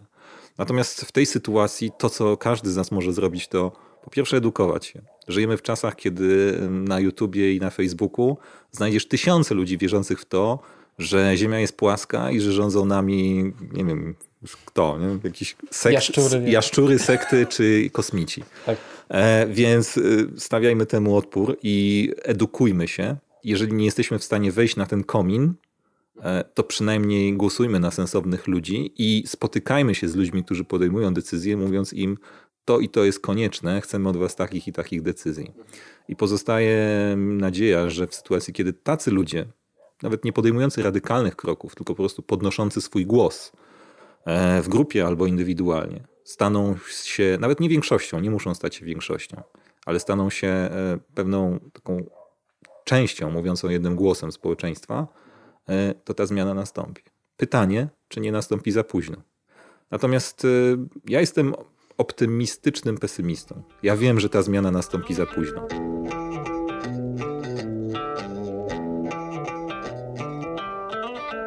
Dużo się mówi o tym, że wpływ na zmiany klimatyczne ma jednak nasza konsumpcja, konsumpcja krajów rozwiniętych. Nie myślisz, że jakimś rozwiązaniem byłoby ograniczenie po prostu konsumpcji, czyli jakby wiesz, wszystkiego mniej po prostu.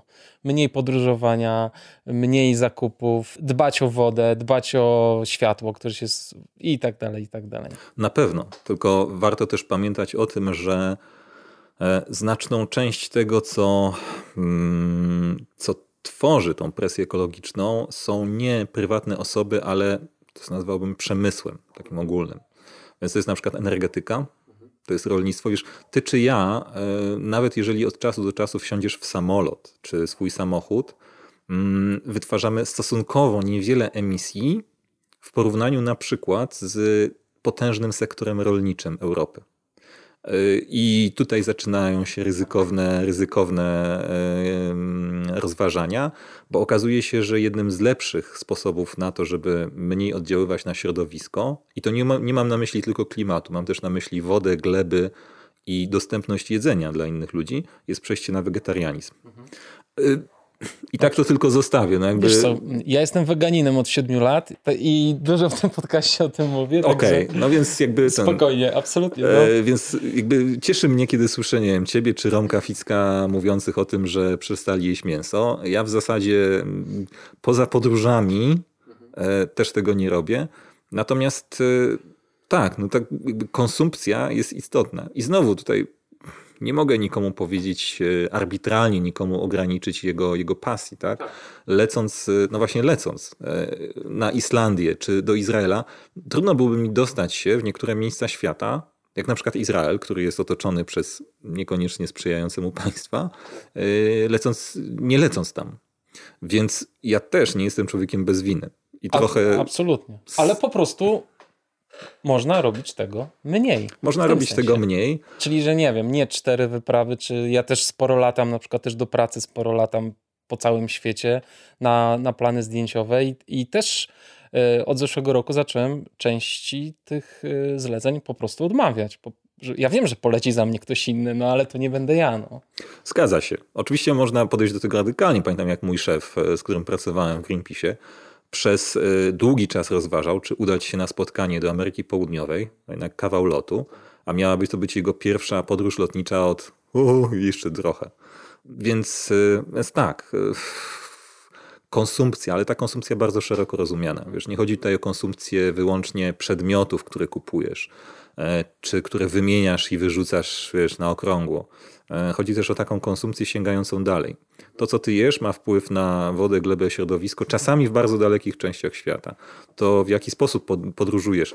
I znowu tutaj chodzenie piechotą jest dla mnie takim symbolem, no właśnie, chodzenia bez śladów, również tych dalekich śladów, bo jednak podróż lotnicza oddziałuje na cały ekosystem Ziemi.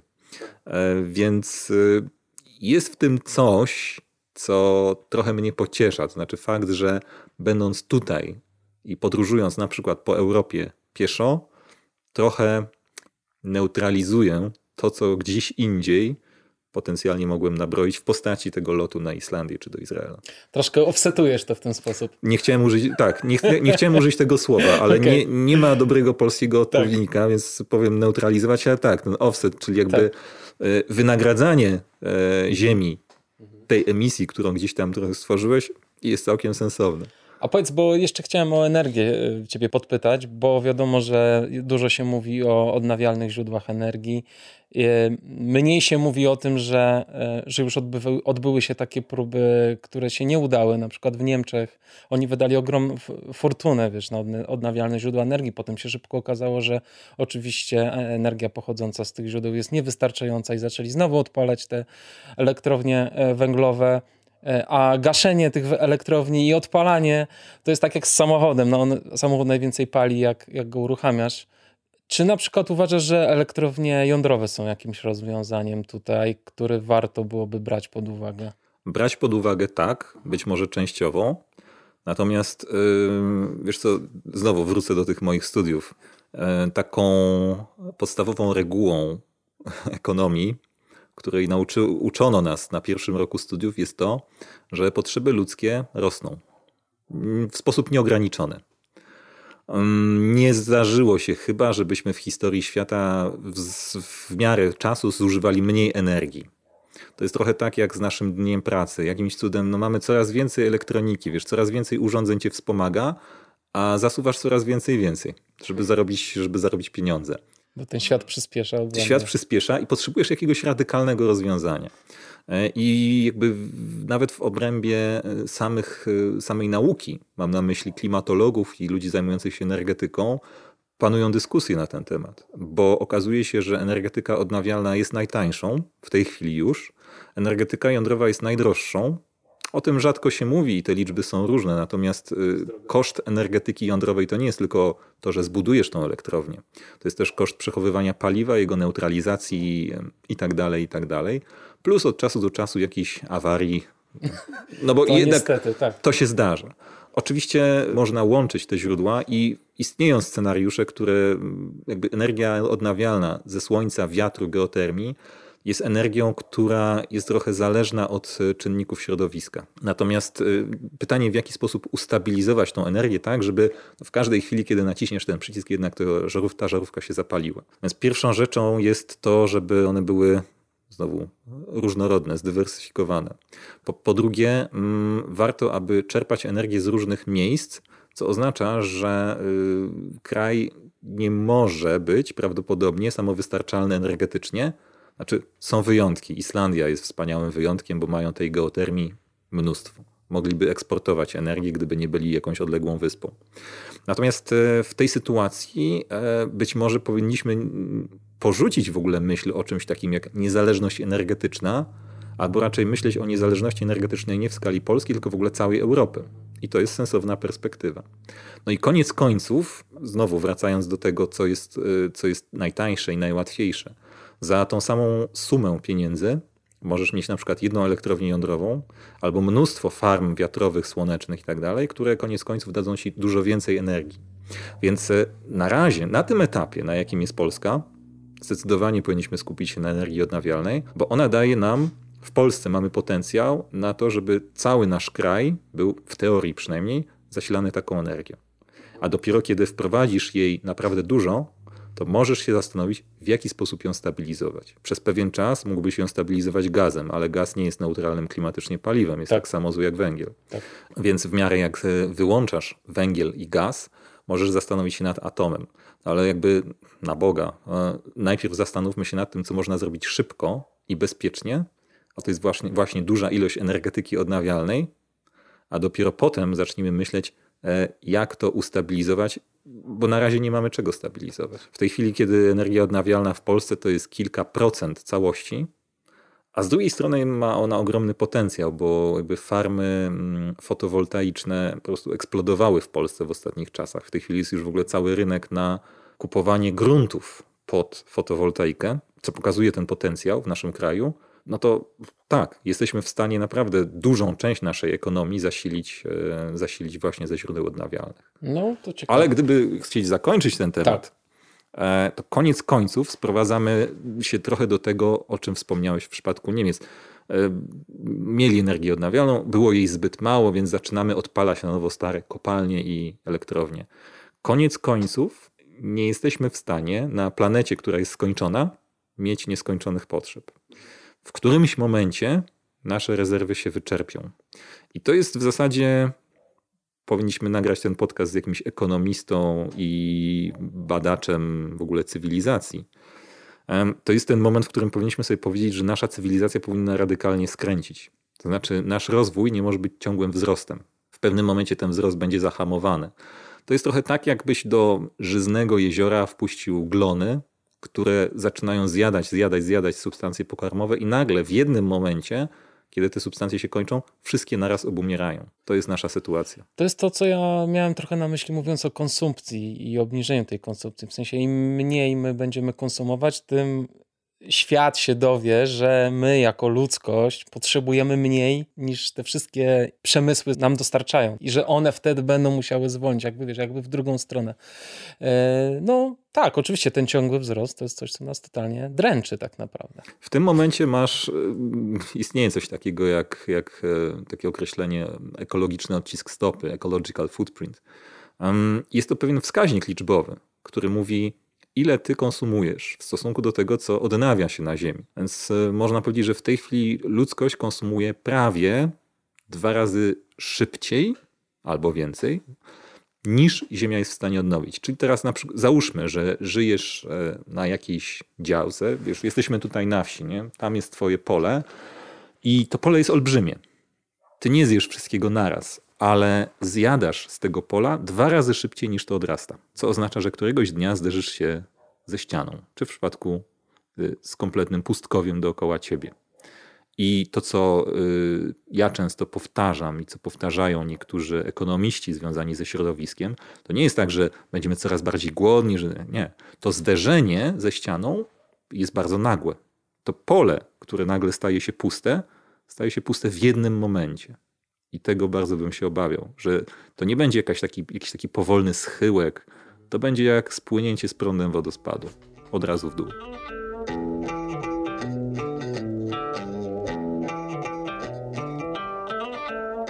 wracając trochę do tematów eksplorerskich, ale pozostając również w, w tematyce globalnego ocieplenia, na przestrzeni 2019 i 2020 roku, nie pamiętam w tej chwili, które to były miesiące, może to był początek 20, odbyła się taka fajna znaczy fajna, no tak naprawdę totalnie epicka wyprawa dwóch, dwóch podróżników, Majka Horna i Borge Oslanda, e, który zresztą może nie jest podróżnikiem, znaczy jest podróżnikiem, ale on jest stricte polarnikiem. On jeszcze przecież e, z Markiem Kamińskim rywalizował w różnych tam wyprawach na, na, na Antarktydzie.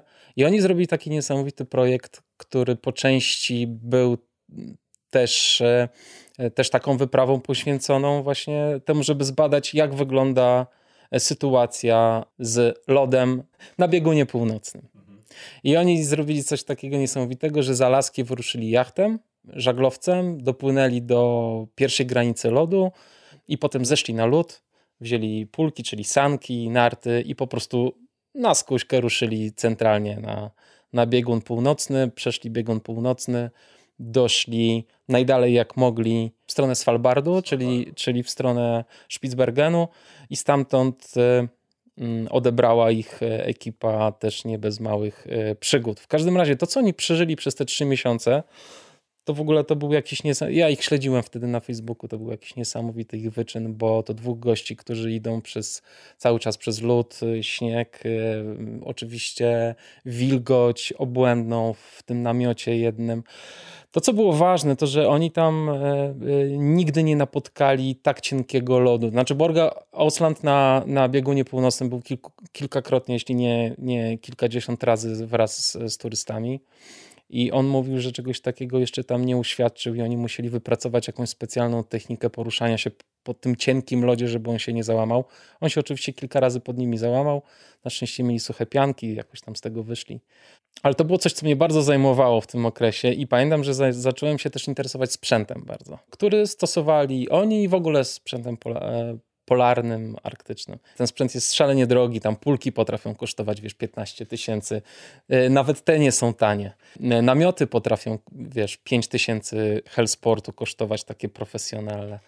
No i nagle patrzę na twoje zdjęcie z Islandii i widzę, że masz, że twoje pulki to są dwa parisy złożone, czyli takie podstawowe sanki i namiot też chyba nie był stricte dostosowany do, do zimowych wypraw. Jest tak myślę właśnie, bardzo mnie to zainteresowało, bo z jednej strony doskonale znam twoje doświadczenie i na pewno nie zrobiłeś tego y, bezmyślnie i zastanowię, wiesz, takie, zacząłem myśleć, gdzie jest ta granica między, między tym, że sprzęt jest, y, daje ci poczucie bezpieczeństwa, wiesz, jak wyważyć to, że, że rzeczywiście warto jest zapłacić jakieś pieniądze za specjalistyczny sprzęt, a gdzie już jest ta granica, że już może nie warto? Czy to jest coś, co ty po prostu przez lata doświadczeń wypracowałeś sobie? Tak, obawiam się, że tak i nie ma dobrej rady na to. Idealny przykład. E, idąc na mój pierwszy łuk Karpat, mam, ple, mam plecak 25 kg i bardzo stary namiot jedynkę, która waży 2 kg.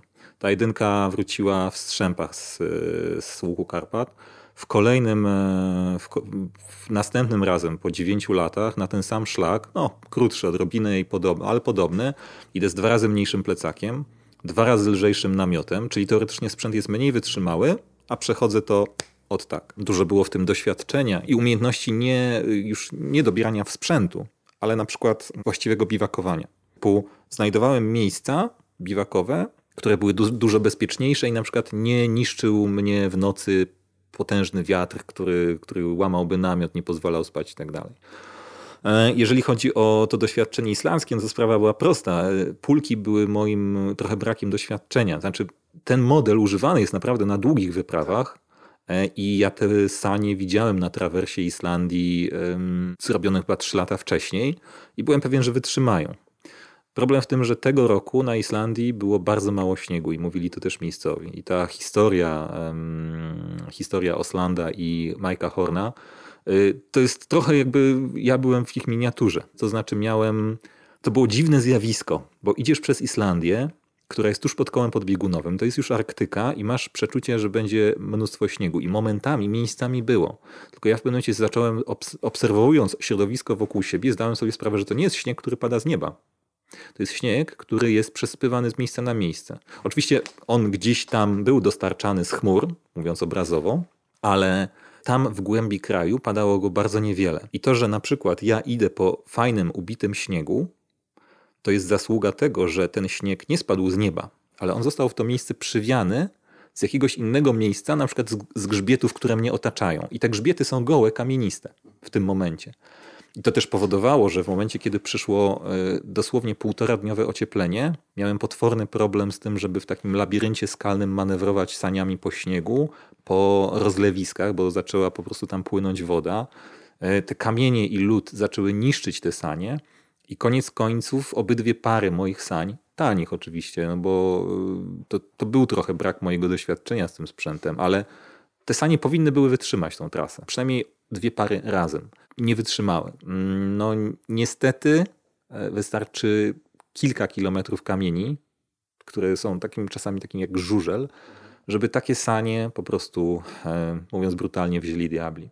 Te, które tutaj widzisz w rogu pokoju, tak, fielpulkeny są już y, 10 razy droższe od tamtych, które miałem na Islandii. E, ważą trzy razy więcej i są odpowiednio bardziej solidne pod względem grubości i materiału, mają też osobne płozy, e, więc wierzę, że przetrwają jakąś kolejną wyprawę.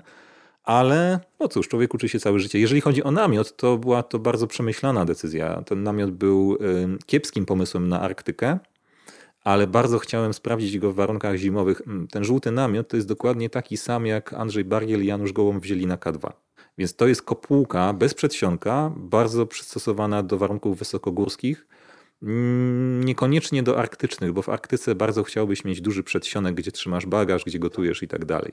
Ale uznałem, że sobie poradzę i poradziłem sobie nieźle. Ten namiot całkiem nieźle się sprawdził. Natomiast y, znowu, no, to było dla mnie takie, mm, takie, takie doświadczenie, E, dwojakiego rodzaju. Znaczy, po pierwsze, w ogóle doświadczenie pierwsze w takiej prawdziwej wędrówce arktycznej z saniami na nartach. Wędrowałem już wcześniej na nartach, ale nie w tej skali. Po drugie, doświadczenie z, ze sprzętem. Też trochę uczyłem się. Mój notatnik był potem pełny jakichś takich drobnych zapisków, co następnym razem powinienem zrobić lepiej. I na przykład w tej zimy, znowu wracając do Arktyki, będę mieć zupełnie inne e, sanie, zupełnie inny namiot, zupełnie inny zestaw do gotowania, ale pewien fundament zostanie taki sam. Więc jest to też dla mnie nauka i w ogóle jakby wiesz, jestem, okej, okay, jestem doświadczony, jeżeli chodzi o góry, ale nie wstydzę się przyznać, że nawet proste weekendowe wypady w Beskid Wyspowy czy Gorce, tutaj wiesz, pod bokiem, też mnie czegoś uczą mhm. czasami. Mhm. E, nawet jeżeli to są drobiazgi. No i koniec końców ta wyprawa e, pokazała też, że pewnych rzeczy nie da się przewidzieć. To, co Osland mówił o tym lodzie arktycznym, który był cienki jak papier, którego momentami nie ma, zgadza się z tym, co mówią w zasadzie wszyscy polarnicy i klimatolodzy. W pewnych są lata, już teraz, kiedy na biegunie północnym nie masz e, lodu. Jest to po prostu akwen. E, przejście po takich mm, chyboczących się, to jest trochę tak, jakbyś skakał z kry na krę, próbując przejść jeziora. Wiesz, no, za którymś razem ci się nie uda i co pewien czas ludzie przechodzący przez morskie oko w maju na przykład odkrywają, że to ja jestem tym ostatnim. Natomiast to pokazuje też, że mm, być może ten, ta specyfika wypraw polarnych na północ e, też się zmieni, bo stajemy przed e, faktem, że no, dostęp do pewnych miejsc jest, jest utrudniony.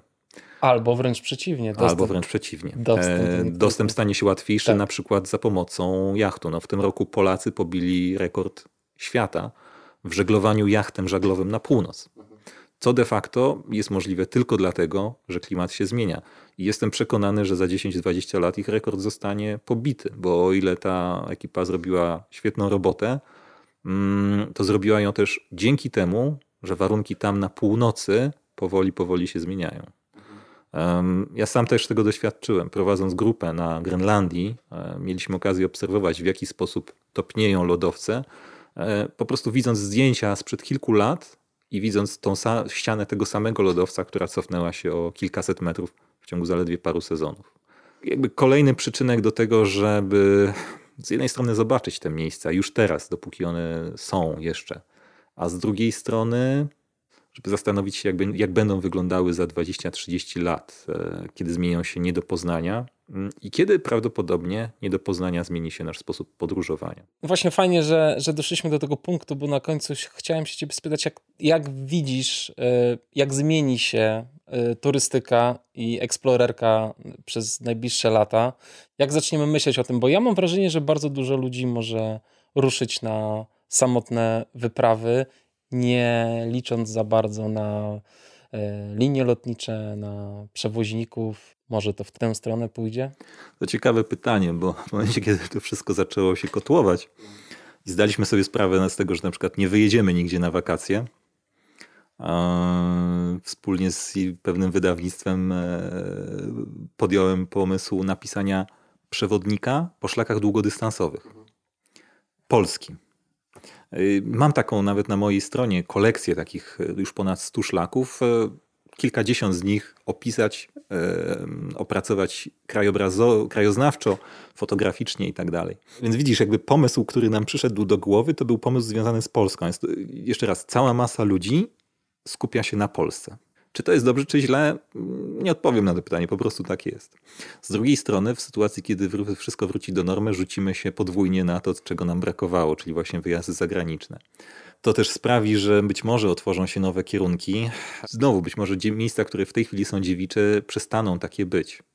Ale to myślę, że pandemia to nie jest, y, to nie jest czynnik, który byłby decydujący te wszystkie wydarzenia i tak miałyby miejsce, tylko troszkę później. To znaczy, nowe dziewicze obszary i tak będą się otwierać, tylko bez pandemii może nastąpiłoby to rok czy dwa szybciej. To tak naprawdę nie ma, nie ma dla, przynajmniej tak sądzę, nie ma wielkiego znaczenia. Znaczy mi się wydaje, że wiesz, na przykład ludzie mogą nie chcieć jeździć do dużych hoteli, wiesz, yy, gdzieś e, na wybrzeże Hiszpanii albo na Wyspy Kanaryjskie. Mogą chcieć jednak się bardziej rozproszyć, co spowoduje, że no będzie, że się rozproszą. Że się rozproszą. Tak. Być może tak. Być może I że ta turystyka się zmieni właśnie, sposób w ogóle. Być może dojdziemy do tego. Mhm. E, może nowe po... usługi się pojawią w ogóle turystyczne. Na przykład, albo większy nacisk będzie położony nie na... Mm, jest piękny komunistyczny termin, żywienie zbiorowe, zakład żywienia zbiorowego. E, nie na wielkie hotele, na zbiorowe, mm, właśnie, e, noclegi zbiorowe, tylko na rzeczy indywidualne. Mm, co też nie jest e, super, bo mm, jakby pod względem ekologicznym chodzi mi o miejsce, które musisz zająć. Bardziej przyjazne jest skupienie ludzi w jednym miejscu, na przykład w hotelu na tysiąc pokoi, niż w tysiącu pojedynczych bungalowów rozsianych po całym wybrzeżu. To taki przy, mhm. przykład, ale, on, e, ale on, też jest, on też jest aktualny, jeżeli chodzi o szlaki górskie, o schroniska, o transport i tak dalej. Mm, więc boję się trochę tego rozproszenia, bo ci indywidualni ludzie, nazwijmy to, będą penetrować nowe i nowe zakątki. Często dyskutuję na ten temat z kolegą, który jest przewodnikiem po Nepalu i który pokazuje mi, że moja wiedza o Nepalu sprzed już 10, 8-10 lat jest nieaktualna, bo w ciągu tej dekady otworzyło się mnóstwo nowych regionów i szlaków trekkingowych i to, co ja przechodziłem jako dziewiczy szlak w ogóle gdzieś tam w centralnych Himalajach, w tej chwili jest względnie znanym, znaną trasą trekkingową. Być może za 20 lat będą tam regularne schroniska e, i guesthouse'y. I więc to, ta penetracja do nowych miejsc będzie następowała. I to, że teraz e, zaczynam się tak rozpraszać, może oznaczać, że, że to nastąpi szybciej. Myślę, że i tak by nastąpiła. Jakby, mimo że sam zajmuję się turystyką, mimo że sam e, chodzę po górach i od czasu do czasu zabieram ludzi w góry, to trochę boję się pokazywać ludziom takie wybitne, fantastyczne miejsca, mając świadomość, że sam przyczyniłbym się do no właśnie pewnego rodzaju e, spopularyzowania miejsc, które być może turystyka w przyszłości mogłaby zniszczyć. Jest to rzecz, której trochę się obawiam, ale z drugiej strony mam też świadomość, że tej ciekawości ludzkiej Nie da się, nie da się zahamować. Jak będzie wyglądała turystyka po tej pandemii? No, jestem ciekawy. A z drugiej strony mam świadomość, że chyba to jest raczej, to nie jest zderzenie ze ścianą. To jest trochę taki lekki wybój, e, nad którym się, wiesz, na, na którym podskoczyliśmy. I oczywiście ten wybój może potrwać rok, a może trzy, ale, ale w skali naszej cywilizacji to jest po prostu pewien wybój. Trochę tak jak jakiś duży konflikt. E, natomiast w skali dekad myślę, że nie znaczy to zbyt wiele. No dobrze, zobaczymy jak będzie. Zobaczymy. Jestem ciekaw i yy, czy, czy to oznacza, że ludzie będą bardziej indywidualni, czy to, że wrócimy do naszych własnych krajów, czy to, że zaczniemy więcej chodzić na taką małą skalę, na zasadzie lokalne szlaki, yy, lokalne miejscowości, a może właśnie w drugą stronę rzucimy się na poznawanie nowych i nowych miejsc. Yy, tego nie wiem. I myślę, że jakiekolwiek prognozy jakieś ekonomiczne czy, czy mm, turystyczne w tym kierunku będą, będą mocno chybione. Wydarzy się coś, czego się nie spodziewamy. Tak, ten e, organizm jest bardzo skomplikowany. Chciałbym zakończyć czymś optymistycznym. E, ostatnio e, pojawiła się taka naklejka, którą ludzie wożą na samochodach. To jest taki duży żółty uśmiech z napisem będzie dobrze. I on zawsze mi poprawia nastrój, więc jak myślisz, będzie dobrze?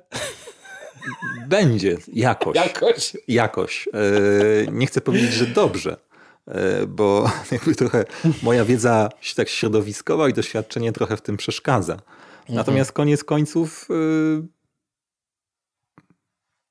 koniec końców zawsze jest dobrze. No. Zawsze jest, zawsze tak jest trzeba myśleć. w, naszym, w naszym świecie, tak mówię, w naszym świecie, mój Boże, w gronie ludzi zajmujących się środowiskiem mamy takie czasami powiedzenie, ale ono odnosi się też do naszego życia osobistego, rodzinnego i tak dalej. Mm, no, po angielsku jest to everything will be good at the end. If it's not good, it's not the end. Więc na koniec wszystko będzie dobrze, bo jeżeli nie jest dobrze, to znaczy, że to nie jest koniec. E, I, i w zasadzie tyle. Tego się trzymajmy. I tego się trzymajmy. Dziękuję Ci bardzo za rozmowę. Dzięki wielkie. Hej.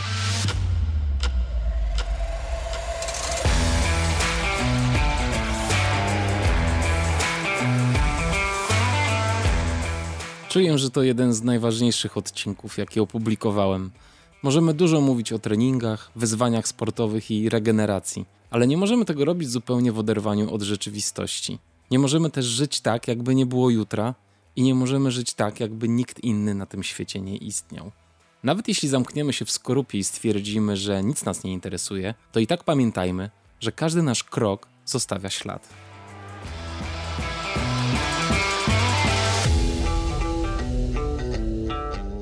Dziękuję serdecznie za wysłuchanie tego podcastu. Jeśli podoba Wam się to, co robię, gorąco namawiam do wsparcia podcastu finansowo na patronite.pl ukośnik Black Hat Ultra. Jedynym finansowym źródłem wsparcia tego podcastu jesteście Wy, słuchacze. Dlatego bardzo doceniam każdy wkład, a najniższy próg wsparcia to tylko 5 zł. Dokładny link znajdziecie w opisie odcinka. Podcast można wspierać również w mediach społecznościowych, udostępniając informacje o nim w postach, relacjach i na tablicach. W tej chwili podcast na Patronite wspiera już ponad 90 osób, ale chciałbym wymienić tutaj nazwiska tych, których wkład jest największy.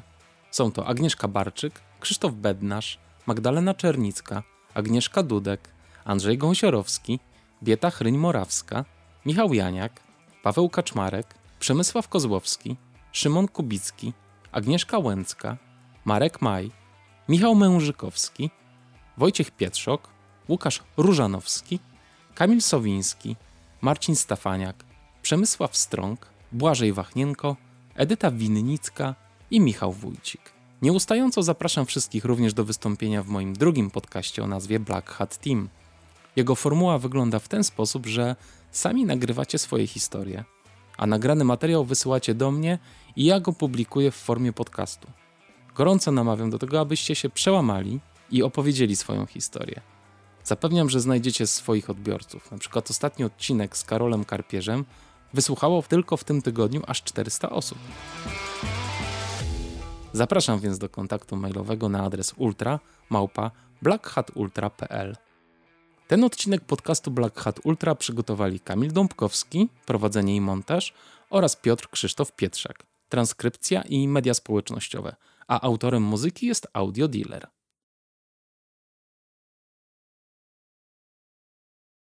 jeżeli jeszcze tu jesteście. Pomimo wszystko dużo myślę o przyszłości. Mam 14-letnie dziecko, które tutaj zostanie.